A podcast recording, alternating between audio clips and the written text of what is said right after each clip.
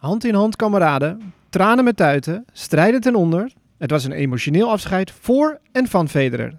Mijn naam is Stefan Kok en tegenover mij zit David Avakian aan de tennistafel.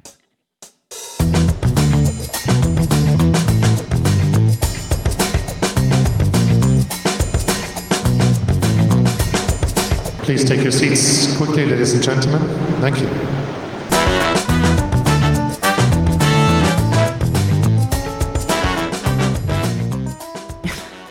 Je begint al te lachen. Ik moet lachen, ja. Want eh, ja, de luisteraar heeft ook gehoord. We hebben een naam. Jij bent Stefan Kok en ik ben David de Waakjan. Ja, maar het viel me op dat we elkaar eigenlijk nooit voorstelden aan het begin van, de, van elke opname. Ja. In de andere podcast die ik luister doen ze dat netjes. Dus, dus eigenlijk, we hebben- zitten nu bij aflevering 89. Ja, ik denk laat ik, laat ik eens netjes Laat- doen. Ja. die mensen die hebben geen idee wie die, wie die twee zijn. Nee, leuk dat je luistert. Ja. ja. Nou goed, het is nooit te laat om kennis te maken. nee, precies. Ja. Nooit te laat voor een eh, eerste indruk. zo is het, zo is het. Ja, begin op nul. Ja, precies. Maar, eh, maar je bent terug. Eh, We zitten in Amsterdam. Ja, In het regenachtige Amsterdam eh, Frans Ottenstadion. Je bent terug uit Londen. Daar gaan we natuurlijk uitgebreid over praten. Jongen, jongen, wat ja. jij daar hebt meegemaakt. Maar eerst waar we nu zitten. We kijken schuin naar beneden. En wat zien we daar?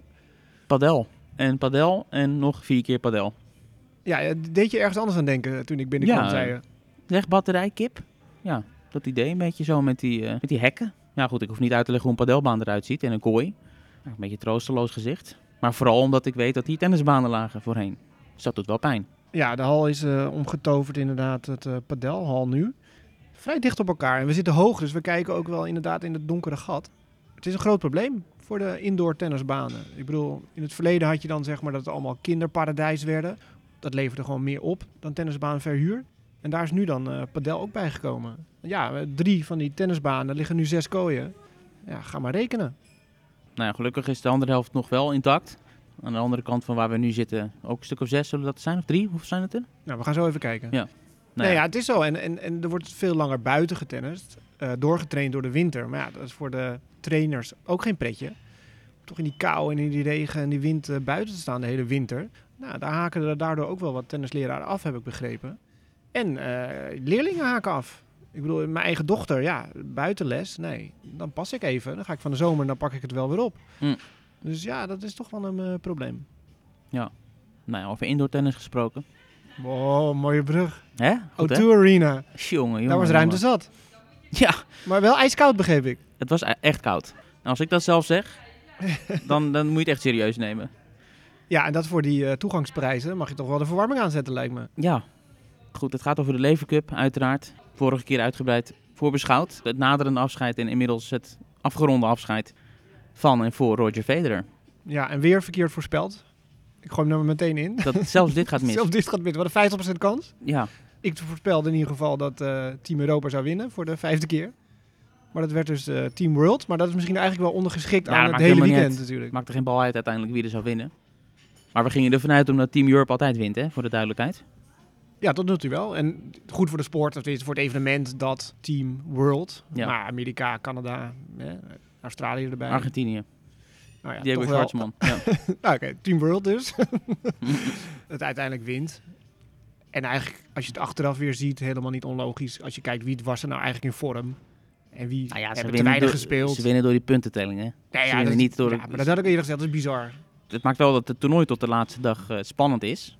Maar het is wel de voornaamste reden dat je het niet serieus kan nemen als echt sportevenement. Wanneer één tenniswedstrijd meer waard is dan de ander. Ja, één punt op vrijdag, twee op zaterdag Ja. en drie punten op zondag per gewonnen Ja. partij. Maar het maakt het wel heel leuk en spannend. En, Nou ja, dat maakt dus dat die vrijdag en zaterdag eigenlijk nergens om gaan. Het gaat om die zondag uiteindelijk. ja, maar zo in feite garandeer je wel dat het altijd nog ergens over gaat. In de context van het toernooi zelf. Dus ja, dus als je dag. koopt. Als je kaartje koopt, dan... Maar ja, goed, nogmaals, zoals je zegt, het was allemaal ondergeschikt aan vrijdagavond. De eerste dag. Het afscheid van, eh, van Roger. Ja, jij was er vanaf donderdag? Donderdag. Ik was daar, want dan waren de, de persconferenties. Eigenlijk was woensdag al een persconferentie dat vrij laat werd aangekondigd. Alleen met, eh met Federer zelf. De één op één persconferentie. Daar was ik helaas niet bij. Ehm, normaal gesproken is het altijd, heb je de teampersconferenties om het eh, mee af te trappen. Dat was op donderdag, daar was ik wel bij. Daar was ook Federer weer bij. En het was uiteraard een gigantisch mediacircus en zoveel media. 350 eh, leden van de media waren erbij. Nou, dat is vrij eh, royaal. Niet iedereen had ook plek in het perscentrum. Niet iedereen had plek in het stadion.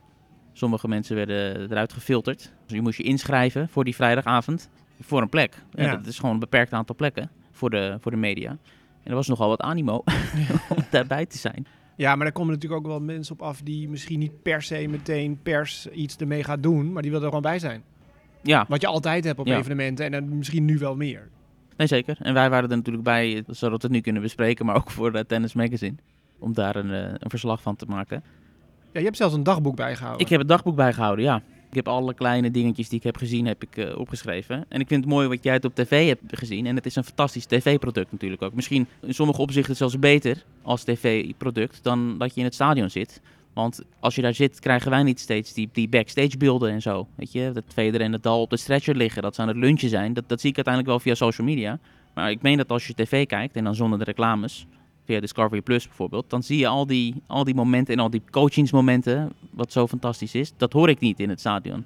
Nee, ja, wat ik in de vorige podcast ook zei, het evenement is eigenlijk hartstikke leuk voor wat er niet op de baan gebeurt. Alles wat er omheen gebeurt, Precies. dat maakt het zo gaaf. Ja. En dat het die grote namen zijn die eigenlijk normale mensen zijn, wat ik heel logisch vind, maar Ja.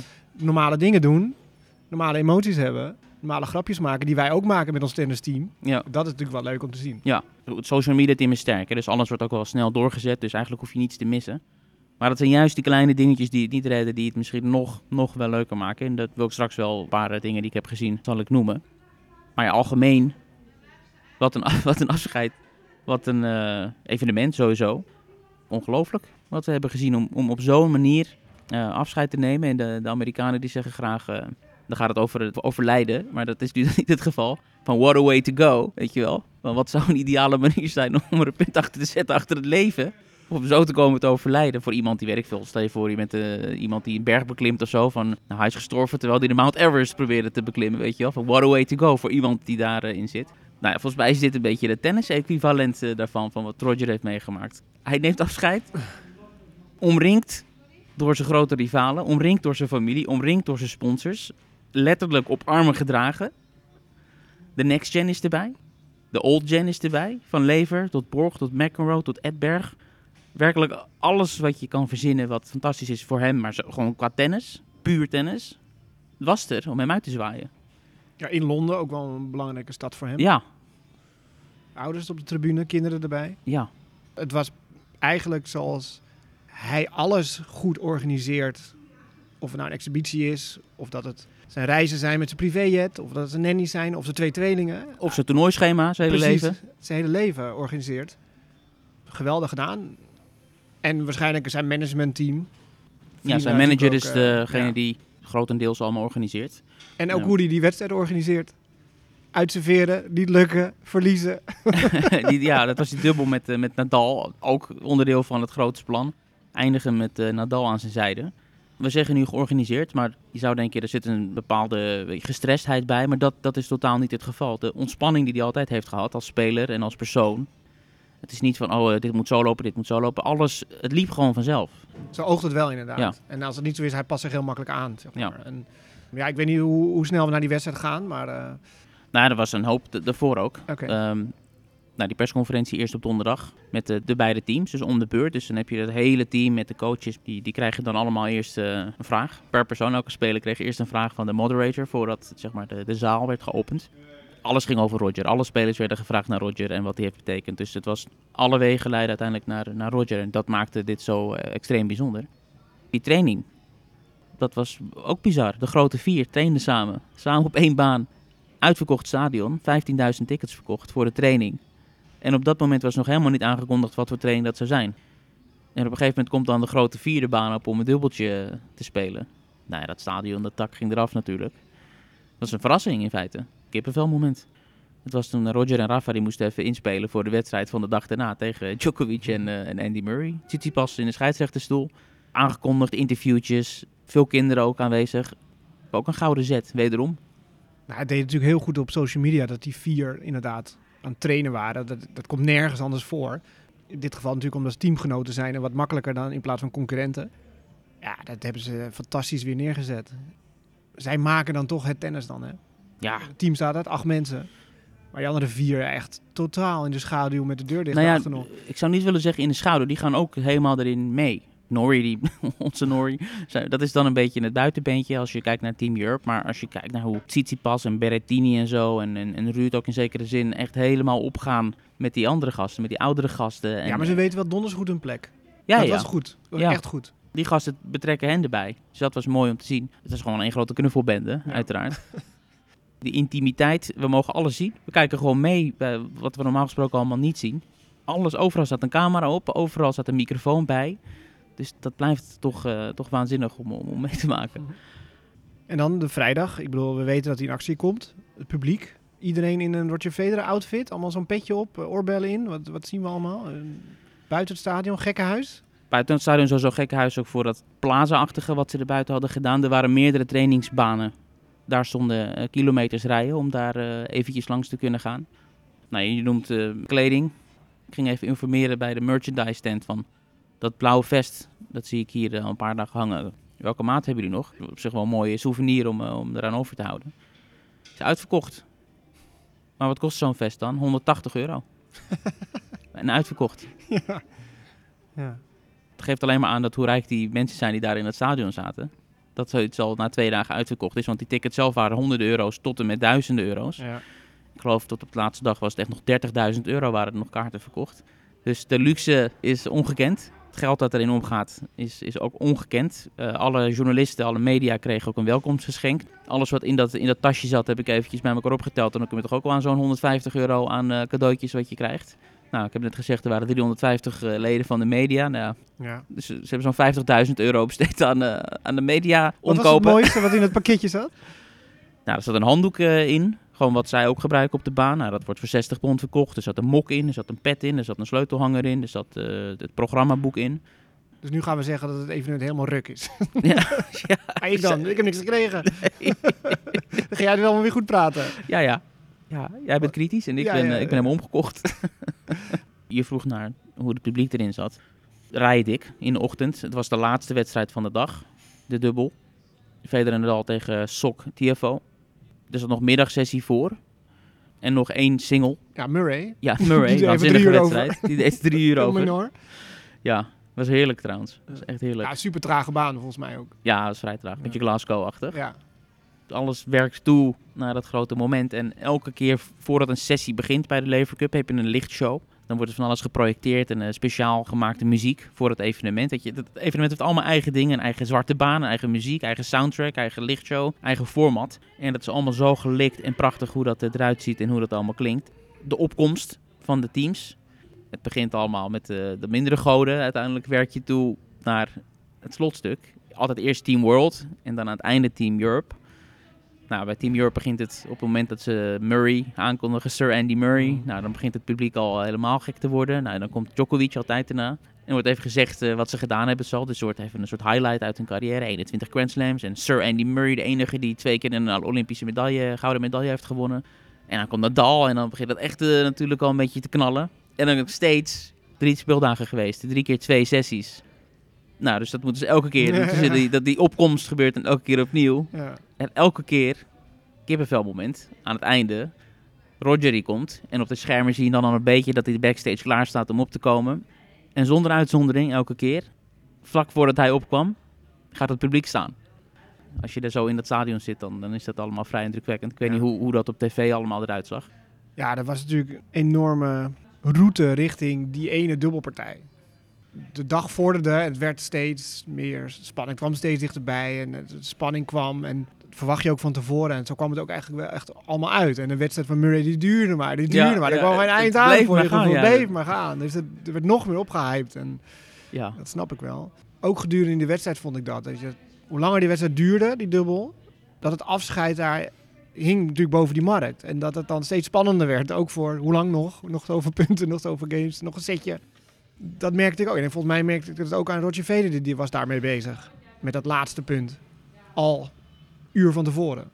een beetje nervositeit Ja. en spanning. Ja, dat- En dat- steeds stiller dat werd. kon niet anders. In het begin was hij nogal ontspannen. Ja. Hij sloeg natuurlijk die bal eh, tegen de- door het gat van het net. Ja, hij moest natuurlijk ook in zijn laatste wedstrijd iets doen wat iemand, nog nooit iemand eerder had gedaan. Een bal door het net slaan. Ja, dat is bizar. Hè? Ja, heel klein gaatje. Hij Ja. sloeg hem zo Hij vond hem. ja, Hij zag het meteen. Ja. Hij zei, ja, niks mis met mijn ogen. Ja. Ja. dus dat was wel mooi. En dat wat, brak ook een beetje het ijs of zo, weet je. Dat er weer iets geks gebeurde. Verder was het een uitermate slechte dubbel.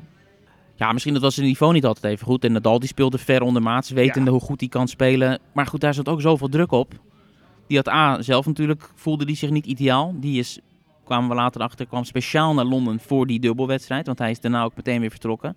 Heeft eh, privé eh, kwesties en die vrouw die is hoogzwanger. Maar hij kon dit niet missen, wilde dit niet missen. Nee, natuurlijk niet. Maar, Maar weet je, hij, Ja. hij moest het dragen denk ik voor zijn gevoel. En daar ga je denk ik niet beter van spelen. Ja, precies. Nee. Want hij miste ballen waarvan ik echt dacht, dit heeft hij nog nooit gedaan. Nee. En die volleys die waren allemaal scheef. En Roger deed wat hij kon. Ja, maar geweldig. Nadal, Nadal is gewoon een superleuke vent. Ook in die, in die changeovers. Gewoon, ja, sorry van die volley die ik miste Ja. tegen Djokovic. Terwijl hij het coachje was. En zegt van, eh, jeetje, als je zo lang niet dubbelt, dan zie je pas hoe langzaam we zijn geworden Aan het net. Ja, ja. en zo. En eh, ja, geweldig. ja, ongelofelijke momenten met die coaching. Ja. Verschillende combinaties van de Big Four, de Big Three die elkaar coachen. Dus Djokovic speelt dan hangen Nadal en Federer in zijn nek. En andersom, het blijft waanzinnig. En het is geweldig dat we dat allemaal mee kunnen maken en mee kunnen luisteren. En, ook de type aanwijzingen die ze geven, de type discussies die ze hebben. Eh, vaak is het heel simpel, maar daardoor niet minder effectief of minder eh, terecht. Ook fantastisch. Ik zat dan een beetje die eerste ring. Ik zat vrij dicht op de baan. Ik, op de feed van onze eh, Twitter zet een fotootje. Dat was gewoon vanaf de plek waar ik zat. En naast mij zat, zoals bij elk tennistoernooi en bij elk sportevenement, iemand die de tickets checkt. En dat is in heel veel gevallen is dat iemand die eigenlijk helemaal niks van het evenement weet, niks van de sport weet. Het is gewoon iemand die is ingehuurd Ja, door Randstad O2. of zo, zo'n Ja, uitzendbureau of gewoon een de O2, studenten of ja. zo. Ja. Precies, dus je hebt totaal geen weet van wat er gaande is. En ik vond het heerlijk om die dag, uitgerekend, bij een meneer te staan, een jonge, jonge man. Die had nog nooit tennis gekeken, die wist er helemaal niks van. En die zat echt zijn ogen uit te kijken. Die zei, dat is het meest fantastische wat ik ooit heb gezien. Ik heb er nog nooit meegemaakt. En ik zeg, nou, je hebt een mooie dag uitgekozen om voor het eerst tennis te zien. ja. En die zat, maar, die zat maar te vragen, te vragen. Die wilde alles weten. En hij had wel eens van Nadal gehoord en van Federer wel eens. En, en wat ik trouwens heb gemerkt is dat heel veel mensen die het een beetje passief volgen... die denken dat Federer nog steeds nummer 1 van de wereld is. Eh, Zo'n fantastische sfeer. En toen tranen met tuiten. Ja, toen, nou, toen begon het eigenlijk pas, na Ja. die wedstrijd. Jij ook? Ik, ik, nou ja, tranen. Het is niet dat het over de wangen stroomde... maar ik zal enige emotie zeker niet ontkennen. Kippenvel van de Kippenvel? de Nou ja, goed, je van de emotie? Nee, ja, wel, wel een beetje emotioneel. Ja? Ja? goed, ik denk degenen die de vorige podcast hebben gehoord, die hebben wel begrepen dat ik misschien iets, eh, iets, iets meer voel bij, bij Roger dan ja, sommige anderen misschien. Ja, wat gebeurde er allemaal? Het begon vrij oké, de wedstrijd is voorbij. Ehm Tiafoe die sloeg een paar eh, ongelofelijke bodyshots eh op, op Nadal en niet op Federer, maar wel op Nadal. Nou, die gingen er gewoon vol voor en terecht, weet je. Dat is, het zou respectloos zijn als ze die wedstrijd hadden gegund, Ja. bijna, Ja. denk ik. Ik denk dat Federer en Nadal dat ook niet eh, leuk hadden gevonden, als ze het op een Mhm. presenteerblaadje hadden gekregen.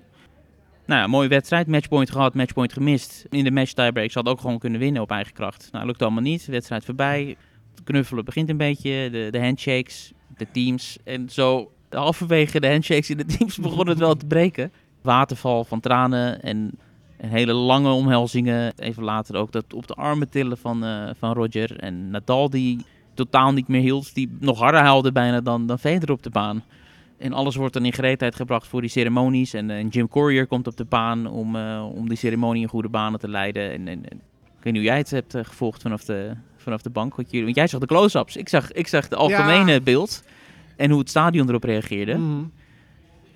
En het is niet eens dat het een soort enorm kabaal was zoals ik wel gewend ben bij andere wedstrijden. En, en de vorige keer dat ik bij Leverkup was, toen er echt gewoon totaal geen sprake was van eh, pensioen of wat dan ook. Toen barstte het stadion echt uit elkaar in Praag Ja. oorsuizingen. Maar nu was het een soort mix van. En oh, wat een fantastisch moment. Maar ook een soort van collectieve emotionele verlamming bijna. Van het is echt zover. Ja, het bizarre is dat, dat één iemand neemt afscheid, maar die heeft alleen maar fans. Bijna geen tegenstanders, zeg maar. En iedereen vindt het jammer. Er is bijna niemand op aarde die zegt van nou, ik vind het wel mooi dat hij ermee stopt, weet je. Iedereen wil hem nog vijf jaar door zien spelen. Dat vond ik heel bijzonder. Ja, en waarom moet je altijd huilen? Ja, dat... Ja, Ja, maar jij doet het nu voorkomen alsof dat een keuze is. ja, maar je weet dat het gaat gebeuren. Ik bedoel, als er iemand goed kan huilen na een prijsuitreiking of na een wedstrijd, is het Roger Federer wel. Ja, maar het was een onvermijdelijkheid. Hij wist niet van al die dingen. Hij wist niet dat er een zangeres zou komen. Mhm. Wat verschrikkelijk was trouwens. Dat was echt het diepte, het jammerlijke punt van die ceremonie. Ellie Golding. Ja, maar Nou, als je, als je dochters en je ouders, en dat hoeft toch allemaal niet? Dat hoef je op dat moment toch allemaal niet te zeggen? Dat zijn toch allemaal triggers om juist dan te gaan huilen? Dat doe je toch achter, kan je ook achter de schermen zeggen, oh, jullie hebben zoveel voor me betekend. Waarom moet je dat dan aan het publiek zeggen dan? Ja, maar er, er komt een interview. Ja, nee, nee, dat, dat is prima natuurlijk. Maar dat, dat vind ik hetzelfde als, eh, als jij jarig bent en dan ga ik op Instagram zetten, eh, David, gefeliciteerd met je verjaardag, hè? We slaat nergens op. Ik bel je wel en dan Ja, maar nee, wacht. Dit is een afscheidsceremonie. En dan, dan wordt er altijd publiekelijk dank gezegd. Het, het is een emotioneel af- een afscheid van die hele wereld. Nee, precies, En- je en- begint al met het woord emotioneel afscheid. Het is een Ja. afscheid. Ja, maar dat, En dat was maak je nooit emotioneel een andere... door dit soort dingen erbij te betrekken. Ja, maar je kan moeilijk zeggen van eh fijne avond en tot ziens. Het publiek is daar niet voor gekomen. Het publiek is gekomen om te zeggen, Mirka, fantastisch eh, wat jij hebt gedaan voor mij. Mirka hoort bij die eh, ceremonie. Ja. Want zonder Mirka, zoals hij zelf ook zei, was het niet mogelijk geweest. Was je veel eerder gestopt. Ja. Ja. Zonder, ze had me al eerder kunnen stoppen. Deed ze niet. Ze liet me spelen. Dat is een onderdeel ervan. Het feit dat hij zo zou breken zoals hij brak. Als een Ah, oude ah, man, Out of, out of control. nou, we hebben het vaker gezien gedurende zijn carrière. Of het nu de eerste keer was dat hij een Grand Slam won. In 2003. Toen hij ook nauwelijks het bij elkaar hield tijdens de prijsuitreiking. Tot en met dat verlies tegen Nadal. In 2009 Australian Open. Toen hij eigenlijk zijn verlies moeilijk kon verwerken. En dat Nadal hem toen weer kwam troosten, steunen ja. ging troosten. Er zijn verschillende momenten gedurende zijn carrière geweest waarin overduidelijk was dat hij emotioneel fragiel is als het om dit soort dingen gaat.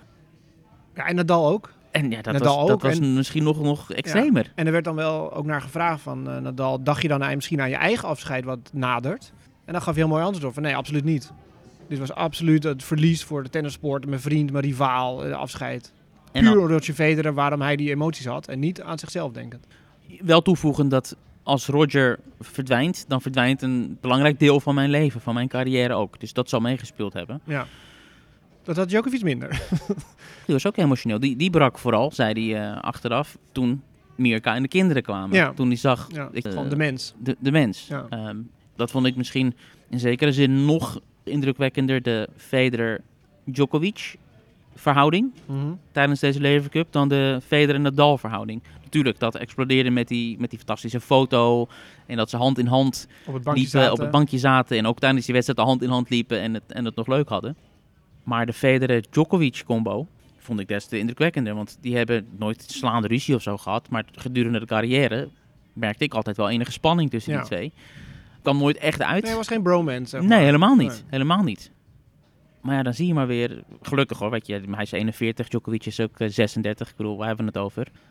Niet te serieus nemen. Natuurlijk, we zijn rivalen en zo, maar ook zij maken een ongelooflijk onderdeel uit van elkaars leven en elkaars carrière. En om te zien dat de Djokovic er ook in mee werd genomen, dat het voor Federer ook even belangrijk was dat Djokovic erbij was en dat Murray erbij was en dat het niet alleen een Fedal-ding was. Mhm.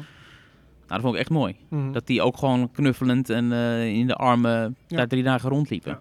En gemeend en niet gespeeld. Als je ze hoorde praten over elkaar. Het was wel echt, maar misschien wel voorspelbaar. Welk deel? Alles. Toch? Natuurlijk alleen maar mooie woorden over elkaar, uiteraard. Ja, de woorden. En, en, en ja. Ja, ja de, En de woorden waren... bedankjes en zo. Precies, natuurlijk. precies. Dat is allemaal wel obligaat. toch? Ja, maar ja, Wel ze- gemeend, ze, ze maar- brengen het wel mooi, weet Ja. je. Het verrassingselement zat hem denk ik meer in, in de emotie, hoe extreem die werd. In dat die emotie niet alleen bij Roger er was, maar bij iedereen. En zeker bij Nadal en bij Djokovic en bij Murray, die het ook eh, wel moeilijk had. Die probeerde hem nog een beetje, volgens mij met een grapje, het eh, een beetje wat luchtiger te maken. Nou, dat lukte, was ook een kansloos verhaal. En- over die emotie gesproken, persconferentie achteraf. Ik dacht misschien wel leuk om bij zijn laatste persconferentie wel iets te vragen. Staat het toch in de boeken. Ja. Ehm, Voor hem of voor jou? eh? Ja, hij vindt het heel belangrijk dat ik een vraag heb Ja, gesteld precies, natuurlijk. ja, Ja, ja, dus daar zit hij nu nog over na te denken. Ja, thuis. ja, ja. Potverdorie, wat, wat, wat mooi dat de tennistafel toch een vraag heeft gesteld en Tennis het. Magazine. Ja, Ja, ja. Ehm, We weten onze plek. ja, ja. ik vroeg hem, je hebt je ongetwijfeld, had je een soort beeld van hoe dit einde eruit zou gaan zien. In hoeverre kwam hetgeen je in je, in je hoofd had overeen met hoe het uiteindelijk was in het echt? Dat hele microfoonverhaal, daar was ik bang voor aanvankelijk. Want ik weet, ik ken mezelf, dat gaat mis. Ja. Dus ik hoopte eigenlijk, ik had ook tegen Tony, eh, de manager en de organisator gezegd, kan het op een manier dat ik niks hoef te zeggen, dat ik niet iets, iets hoef te doen. Nou, nee dus. Maar misschien is het ook wel iets anders, omdat hij natuurlijk al een paar jaar aan het sukkelen was. Natuurlijk al ruim een jaar niet gespeeld. Dat, maakt gaf wel iets, eh, een bepaalde wending aan het hele verhaal. Dus Ja. niet dat hij inderdaad de afgelopen maanden, de afgelopen jaar fulltime heeft gespeeld en nu komt er een einde aan. Iedereen heeft eraan kunnen wennen. In feite was het een comeback voor Het was afscheid. een comeback voor zijn afscheid. 2-1 ja. in dat opzicht. Het was ook duidelijk hè, dat hij niet zo vrij en mobiel was als we van hem gewend zijn. Heel voorzichtig. Ik, eigenlijk vanaf de dag 1, vanaf die trainingen, zat ik heel aandachtig te kijken naar hoe beweegt hij. Eh serveerde nog heerlijk, ja, trouwens. die beweging is Die, ja, ja, daar is niks mis mee. niks mis Op een gegeven moment zaten ze ook in de problemen in een van zijn service games. Dan komt hij er toch uit met drie service winners en Ja. een ace of twee. Ja. Dus dat was mooi om te zien dat dat er nog in zat. En die training trouwens, om daar nog even op terug te grijpen. Hij sloeg daar echt weer zes, zeven verschillende soorten backhand winners. En een drive volley, een backhand langs de lijn, een kort cross, drop volley. Greatest hits werden wel weer even gedraaid. In die, in, dat was ook mooi, in die, in die wedstrijd zelf zat, zat zo'n klassieke Federer backhand block return, weet je. Dat hij zo heel straks eh, zijn pols houdt. En zo'n man in het publiek, yeah! weet je wel, zo van, nog één keer. ja, ja, ja. Al die dingen die de typische Federer-fans eh Ja, wel hij blijft ook absoluut tennissen. Exhibitie spelen en zo. Hij Is moet het ook wat geld verdienen. Nou, dan weet ik niet of dat, of dat nodig is. Maar dat wint nooit. hè. Nee, nee, nee, maar hij wil graag betrokken blijven bij de sport. Ongetwijfeld zal hij verbonden blijven aan de Lever Cup. Op den duur zal hij de captain van Team Europe worden. Borg en McEnroe, dat gaat ook een keer eindigen. Ja, is Borg ooit begonnen? Ja, ongelooflijk die man. Die, heeft niks die zegt die echt niks, letterlijk die niets. niets, zegt niets. En sterker nog, elke keer als die spelers naar het bankje lopen waar hij dan op zit, Stapt hij opzij. dan stapt hij, gaat hij achter die prullenbak staan. Ja. Je kan hem niet eens aanspreken. Als je zou het willen, je kan hem niet aanspreken. Nee. Is niet bereikbaar. Nee. Wonderlijk. Nou, McEnroe doet het nog wel zijn best dan. Ja. Contrast van stijlen. Ja, dat maakt het ook leuk natuurlijk. Ja. Ja, het was gewoon een hele bijzondere dag. Van begin tot eind. Die avond op zich, maar de hele dag ook door. Federer via zijn social media, via de Instagram live. Dat hij eigenlijk elke stap die hij zette, nam die op. Na de training met Rafa, in de auto met Rafa. Eh, terwijl Andy aan, het, aan zijn wedstrijd bezig was, zagen we die beelden van eh, Roger met Rafa aan het eten. Zijn pastaatje even naar binnen werken voor de wedstrijd. En ook dat is onderdeel van het fantastisch gepland. Weet je, hoe wil ik de aanloop naar mijn laatste wedstrijd vullen? Ik vul het met Rafa gewoon de hele dag. Ja. In feite, daar Ja, kwam het op neer. Ja. Met het team, maar vooral met Rafa. Tijdens die wedstrijd komt ze nog meerdere keren met z'n tweeën ook op de baan komen om, Andy nog een beetje te helpen. En Djokovic die was op zijn beurt helemaal eh, met de Andy extreem eh, bezig. Die hebben ook weer een soort eigen band. Die zijn Mm. schelen een week met elkaar en die kennen elkaar van jongs af aan. Alles links en rechts waren Roger sponsors. Weet je, de, de Rolex was er, je hebt de On die schoenen. Alle medewerkers die liepen in Uniqlo pakken en On schoenen. Koffie in het perscentrum was van Jura. Op de schermen werden steeds reclames afgespeeld. Speciale Roger-reclames van Mercedes. Weet je, een soort afscheidsreclame. Een afscheidsreclame van Credit Suisse. Een afscheidsreclame van, van Uniqlo. Weet je, ja, een meesterplan. Ja. Als jij niks zegt, dan ga ik gewoon door met opzommen. ja, ga door. Ik hang aan je lippen. En ik zit alleen maar te denken, wie gaat er ooit zo'n afscheid ook krijgen? En hoe zat Serena hier naar te kijken? Van, hmm, zo kan het ook. Zo kan het ook. Ja, maar goed, ze had natuurlijk op de US Open, op een Grand Slam in eigen land. ja, ja, ja. Ze tennisten echt nog Ja. prijzen. Ja, dat van Serena afscheid was ook fantastisch. Alleen Serena die heeft denk ik niet de band met spelers zoals Federer de band met andere spelers had. Dus, een, dus Mm. zo'n collectieve omhelzing, Ja. hoeveel respect ze ook afdwingt en terecht krijgt. Zij was niet zo vriendschappelijk, denk ik, met, Nee, met dat- haar daar heb je collega's. gelijk in. Dat was meer een respectding. Ja. En ook meer, zeg maar, in nog meer celebrity wereld waarin zij zit. Ja. Celebrity zijn. Precies. Er waren zoveel mooie details. Ed Berg deed de coin toss. Hè? Alcaraz die zat thuis eh, te live tweeten de hele wedstrijd Ja, van begin tot eind. eh, van oh, eh, tranen met uiten. Ja, van oh, het einde, het einde is nabij. Ja. Zonder dat ze nooit tegen elkaar gespeeld hebben natuurlijk. Ja, zonder dat hij niet bij was. Ja, ook dat ja. Ja. Ruud natuurlijk wel erbij. Die ook veel gespeeld heeft. Ja, maar hij heeft uiteindelijk maar één potje gespeeld dag één. Ja, Die was maar één punt waard. punt waard. Hoogst genoteerde speler van het hele gezelschap. De nummer twee van de wereld. Dat is. Ja, Oldschool, lijnrechters. Lajani op de stoel. ja uiteraard. Ook het theater eh, van hem nog even. Ik neem toch aan dat hij dat zelf heeft besloten. Van ik zou graag die scheidsrechter erbij willen hebben. Lijkt me wel, ja. ja, ja. Ja, het eindigde gewoon met een mooie ereronde. Alle vakken, daar die even langs liep om even te zwaaien. En iedereen op de banken natuurlijk. En die persconferentie, wat ik al aangaf achteraf, was moeilijk. Mhm. Was, wat ze dan doen is, als er een dubbel wordt gespeeld, dan wordt de persconferentie gehouden door Roger en Rafa. Maar ze hadden het moeilijk hoor, met z'n tweeën. Die emotie die ze vlak daarvoor natuurlijk op de baan voelden, dat namen ze ook mee in die persconferentie. En elke vraag was wel even, Ja. moesten ze zich echt voor, voor opladen om dat een beetje tot een einde te kunnen brengen. Een bijzondere mix van vreugde en emotie en ja, ik denk dat die vrijdag zeg maar een aparte dag is in het hele evenement. En op het moment dat die vrijdag achter de rug was, kon het eigenlijk beginnen. Of zo, het sportieve gedeelte. Ja, daar kwam het wel op neer. Ja. Ja. Want het eindigde ook 2-2, netjes, na dag 1. Federer vertrok niet, dus hij bleef er ook bij. Ja, dus ook mooi. die dagen dat hij niet speelde, elke keer weer die opkomst op de baan. En elke keer weer, want hij is gewoon onderdeel van het team. En elk individueel teamlid werd voorgesteld. Dus nog drie dagen daarna of twee dagen daarna heeft hij ook weer die ovatie kunnen genieten, elke keer. Ja, dat is wel mooi afbouwen over zo'n Ja, verwerking of zo. Dat is toch wel absoluut goed geweest, denk ik ook. Dat je niet dan opeens plots verdwijnt. Dat het op vrijdag was. Precies, en dat hij dan nog zaterdag, zondag gewoon eh, helemaal eh, meegaat. En, eh Ja, ook een meesterzet. Ja. Want anders was inderdaad vrijdag, zaterdag, was alles... alles... fade-out gewoon. Ja, Ja. netjes. Kijk, Rafa wel terug naar huis. Begrijpelijk. Dus Nori en Berrettini werden de invallers. Nou, daar weer de oorlog niet mee. Met Norrie niet, vrees ik. ik zat hem ook een beetje te observeren. Het is toch eh, onze Norrie. Ja, voelen wij ons precies, verantwoordelijk ja. voor als tennistafel. Nou, ik denk dat hij eh, daar een soort acuut minderwaardigheidscomplex heeft opgelopen. Dat weekend. Van wat doe ik hier in Ja, hemelsnaam? ja, Die voelde Waarom zich ben ik- misschien helemaal niet thuis. Waarom ben ik inderdaad, onderdeel? eh, Nee, die voelde zich fantastisch, maar die zal toch wel gedacht hebben van, wat doe ik hier? Ja, Waarom ik? ja. Ah, hij is gewoon top 10 speler. Ja, zeker. Dus hij, terecht dat hij er dan als super sub eh, ingehaald Ja. wordt. Maar inderdaad, als je dan kijkt wat er allemaal om je heen staat. ja. nou ja, en het was een fantastisch moment. Hij speelde een single, dat ging mis. Ik ben even kwijt eh, op dit moment eh, tegen wie dat was. Alle coaching van dien. Roger was er weer bij. Het was de eerste wedstrijd de dag erna. Noor zit dan te worstelen tijdens zo'n wedstrijd. En dan komt Roger om aanwijzingen te geven. En die zei op een gegeven moment, jij moet even wat meer service volley spelen. Oh, echt? En Andy die stond er ook bij. Die ging niet tegen Roger in iets zeggen of zo. Maar die weet natuurlijk dat Noor dat helemaal niet kan. Ja, tuurlijk. En zeker op die trage baan. Ja.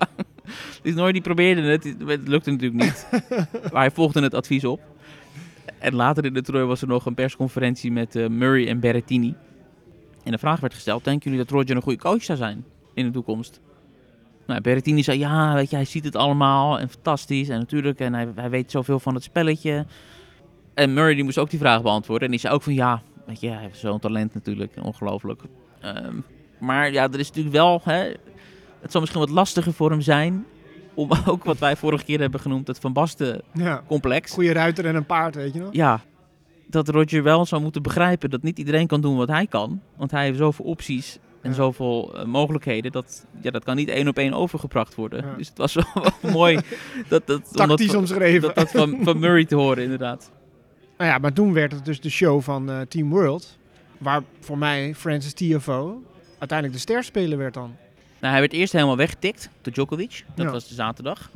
De rentree van Djokovic na lange tijd, sinds Wimbledon niet gespeeld, omdat hij niet mocht. Ja. Schoot werkelijk uit de startblokken, speelde eerst een fantastische dubbel met Berrettini. Nou ja, Djokovic kan niet zo goed dubbelen. Hij zei het op dag 1 al, ik ben de slechtste dubbelaar uit het hele team. Gaf hij eh, eerlijk toe. Maar die speelde geweldig met Berrettini samen. Een beetje wennen aan elkaar. Wonnen ze van Sok en De? Minor. Ja. Daarna de single. Djokovic, Tiafo. Nou, Tiafo, de grote man van de US Open. eh, fantastisch in vorm. Van de baan geveegd door Djokovic, die alles raakte. Serveerde als een beest. Zijn eigen team wist eigenlijk ook niet zo goed wat ze moesten doen en wat ze moesten zeggen. Dus die zag ik ook lange tijd gewoon heel rustig en een beetje beteuterd op het bankje zitten. Alsof ze ook een soort van besef kregen van wat hadden we het mooi de afgelopen maanden. Ja, zonder Djokovic. ja, Hij is er weer. We kunnen weer inpakken. Hij gaat alles weer overnemen. Nou, dat gebeurde niet echt, want de dag daarna was het ja, vrij dramatisch. Ja. ja, dat stort er wel in. En ook last van zijn pols. Hij gaf aan dat hij dat niet had moeten doen, zoveel wedstrijden spelen. Want hij heeft dus uit het niets, kwam hij ineens twee wedstrijden op één dag. Al was de een een dubbel. Dag daarna speelde hij dus tegen Felix, Ogier Aliassim. Dat was de laatste dag. Ja, die speelde de wedstrijd van zijn leven. Mhm. Heeft hij zelf ook meerdere keren gezegd. Een van de beste wedstrijden uit mijn carrière. En Djokovic speelde ondermaats, dus die werd gewoon in twee sets weggezet. En toen begon de ellende. Ja.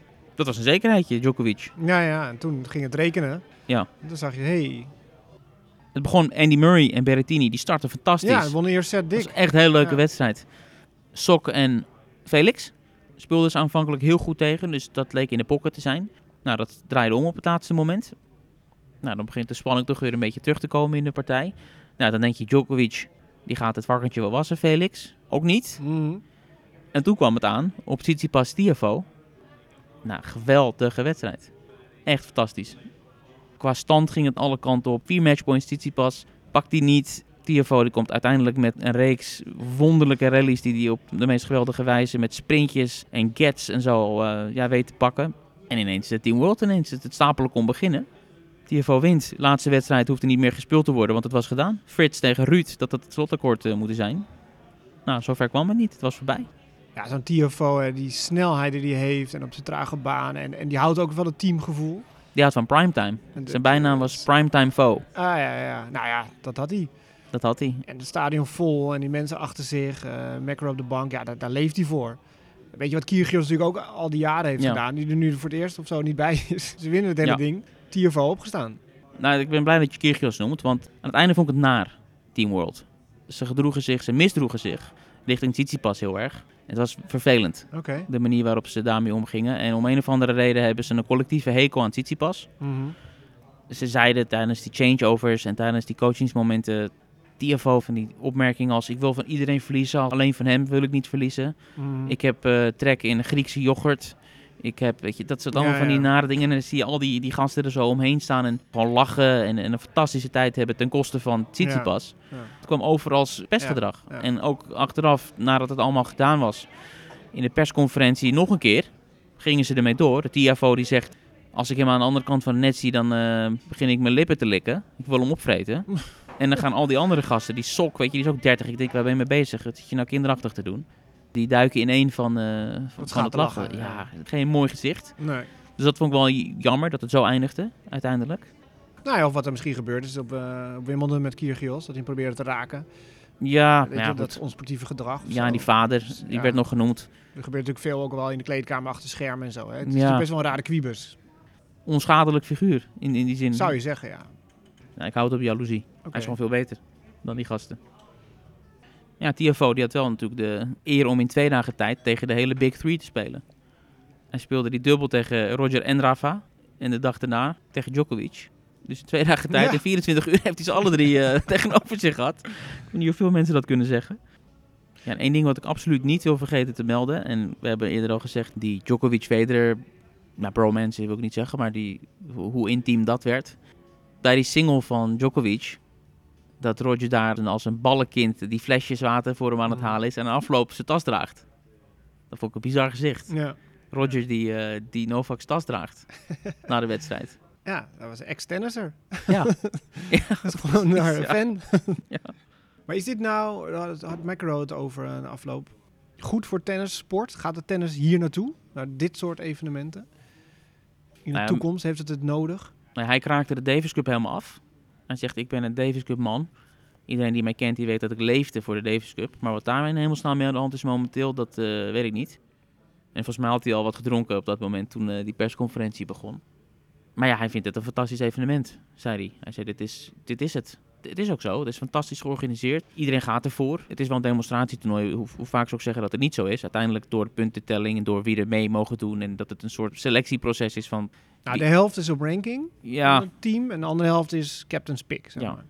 ja, je kan er niet omheen. Het is een geweldig toernooi hoe het georganiseerd is en hoe het bekeken wordt en hoe het gebracht wordt en hoe het gefilmd wordt en hoe het klinkt en, en wie erbij betrokken zijn. Dat is denk ik nog het belangrijkste. Het, het is waardevol zolang al die grote namen eraan verbonden zijn. Als je dit Team Europe tegen Team World doet, maar het zijn top 30, top 40 spelers, ja, dan, dan zal niemand er naar kijken. Maar of het hier naartoe gaat, weet ik niet. Het is een op zichzelf staand toernooi. Opgenomen in de kalender. Het heeft die plek geclaimd, gewoon in de. ATP-kalender. Ja. Nou ja, de Davis Cup wil hier naartoe natuurlijk de World Cup of Tennis, wat, wat dan op verschillende locaties wordt gespeeld. Ja. Landen tegen elkaar, ja, supportersgroepen misschien tegen elkaar, zo, omdat je je land steunt. Mhm. Zonder die grote namen, wat je zegt, het is al zo'n Lever Cup. Zou Alcaraz en Sinner, zou die dat dan Team Europe zo kunnen Ja. dragen? Alcaraz is denk ik wel een safe bet. Ja. Daar kan je wel op rekenen. Maar ze hebben ook, ook nog wel wat tijd, hè? Want Djokovic en Nadal en zo, die gaan niet stoppen voorlopig. ja, Ja, maar, maar met dit. Dit was de eerste keer dat ze allemaal speelden. in het verleden was het niet zo dat ze allemaal speelden. Je had natuurlijk Federer was er altijd bij, mits hij fit was. Ja, het was of Nadal of, of Djokovic. Djokovic. Maar het is altijd een knallend succes geweest. Qua kijkcijfers, qua volle stadions, qua uitverkocht. Ja. Ja, we gaan Nou ja, en die jongen op de trap die jouw kaartje checkt, die is om. Die is om, Dus dan is het Absoluut. doel bereikt. Fan erbij. zeker. Oké, en nu verhuist het hele circuit volgend jaar. Vancouver. Ja, Ik denk dat ze het om de twee jaar moeten doen. Een jaar overslaan. Dus om het jaar. Nou, dan heeft het nog meer waarde, denk ik. succesformule, Ja, maar alles lukt. voor de houdbaarheidsdatum. Gewoon een jaar niet, jaar wel. Ja, maar als ze dat nu hadden gedaan, dan die gasten die zijn al eind 30. Of midden 30. Ja, oké, in dit geval. Maar met de nieuwe generatie, ik denk dat het, dat het meer waarde creëert. Ik zou het gewoon blijven doen. Olympische Spelen is ook super gaaf, omdat het één keer in de vier jaar is. Je er echt voor gaat zitten. Nou, ik vind het zo leuk dat ik het liefst zo vaak als kan. Ehm, Ja. Maar ze gaan wel op een gegeven moment ook ehm, verder kijken. Want het was nu Europa en Noord-Amerika steeds geweest. En de bedoeling is wel dat ze echt de hele wereld overgaan. Dat zei Federer ook nog wel. Dat is wel echt het lange termijn doel. Zonder specifiek te zijn, maar hij zou Azië bedoelen, hij zou Zuid-Amerika bedoelen. Nou, op ook plekken waar geen Ja. ATP-toernooien zijn. Ja. Dat was het idee natuurlijk. De promotie van de sport in bepaalde gebieden. Ja, dan moet je niet in Londen zijn. Ik hoop op Amsterdam in de toekomst. Ja, met Botik. Er is geen ATP-toernooi hier. De volgende Europese stad die ze aandoen is Berlijn. Waarom geen eh, Amsterdam? We gaan een lobby opzetten. De Ja. tennistafel eh runt de perskamer dan. Had je laatste vraag moeten zijn. Wanneer komen we naar Amsterdam? Ja. Moet even een goede pitch bedenken. Ja, oké. nou, daar gaan we aan werken. Dome. mensen willen helpen. Ja, waar zou dat moeten zijn? In de Ziggo Dome? Ja, Ja, zoveel keuze is er niet. Ja, Ahoy. Ja, dat is geen dat is geen Amsterdam. Nee, alles behalve. Die hebben al een toernooitje. Die hebben al een toernooitje. Ja. Amsterdam zou toch kunnen? Ja, zeker ja. Allerlaatste dag, allerlaatste persconferentie. Eh, zoals aan het begin alle teams komen, komen ook aan het eind alle teams. Nog voor een eh, slotwoord. Dat was dus echt het allerlaatste Federer persmoment. Op een gegeven moment ehm, liepen ze dan allemaal weg. Roger was de laatste die wegliep. En die draaide zich dan nog even om. En die, ja, die zwaaide een beetje zo. En aan het einde dat hij zijn stoel zo, zeg maar, onder de tafel schoof. En hem even vasthield. En er even naar keek. Langer dan die normaal gesproken zou doen. Als een soort van, dit was het. Weet je, Ja. het laatste, want dat, dat, de hele pers, wij maken niet zoveel uit verder. Maar het is toch een onlosmakelijk onderdeel van zijn carrière geweest. Elke keer die persconferenties ook. Elke wedstrijd. Ja, hij neemt natuurlijk afscheid van het hele wereldje. Het professionele tenniswereldje, Ja. zeg maar, als Vanuit deelnemer. rol, ja. ja. hij komt nu aan de buitenkant te staan. Dat heeft hij ook altijd gezegd. Het is echt mijn wereld waar ik ook van hou, weet je. Een soort familie. Daarom was het emotioneel ook. Ja. Want hij houdt er echt van. Van alles. Van alles, alle facetten. Ja. Nou, ja, dan gaan we naar de orde van de dag dan, hè? Ja, Het leven ik kan er is uren over doorpraten, Ja, dat eh, eh, begrijp ik. Maar ja, er werd ook nog gewoon getennist. Oh. Op de Tour. Nee, je niet. Je zal toch eh, in San Diego toernooi winnen? Ja, En niemand die het ziet. Nakashima. Ja. De eerste titel. nou, die is goed bezig al het hele jaar. Dus het zat eraan te komen misschien wel. Een doorbraakje voor hem. Ja, won van eh, Marcos Giron. Een Amerikaanse finale daar. Hij won een surfplank. Ook leuk. Oh ja? Oké. Eh, in Metz, Sonego. Won van Bublik. Ja, die nam het heel serieus, die finale. Boeblik. Ja, die dacht eh, of de Leven Cup daar was. Die eh, draaide zijn racket om, sloeg met zijn grip. En eh, ja, Ja, was niet zo'n belangrijk moment verder Ja, ook. Dat is het breakpoint tegen begin derde set. bizar. Maar goed, hij presteert wel weer goed na zo'n Davis Cup. Meteen het eerste toernooi eh, finale halen. Dus dat doet Ja. hij goed. De vrouwen, die gingen wel richting Azië. In Tokio. Samsonova. Ja, weer. Derde titel van het jaar. Ja, win van eh, Zeng. En in Korea, Alexandrova, die we kennen natuurlijk van Rosmane. De Russin, die won van Ostapenko in de finale. Dat gebeurde ook nog allemaal. Ja. Maar echt geen haai die gekaaid Nee, ja heeft. goed, dat is, dat is niet anders. Dat is het lot dan, hè? Wordt totaal eh, opgeslokt door eh, de Levercup. Nou ja, dan deze week, die eh, Nederlandse jongens komen Ja. weer al in actie.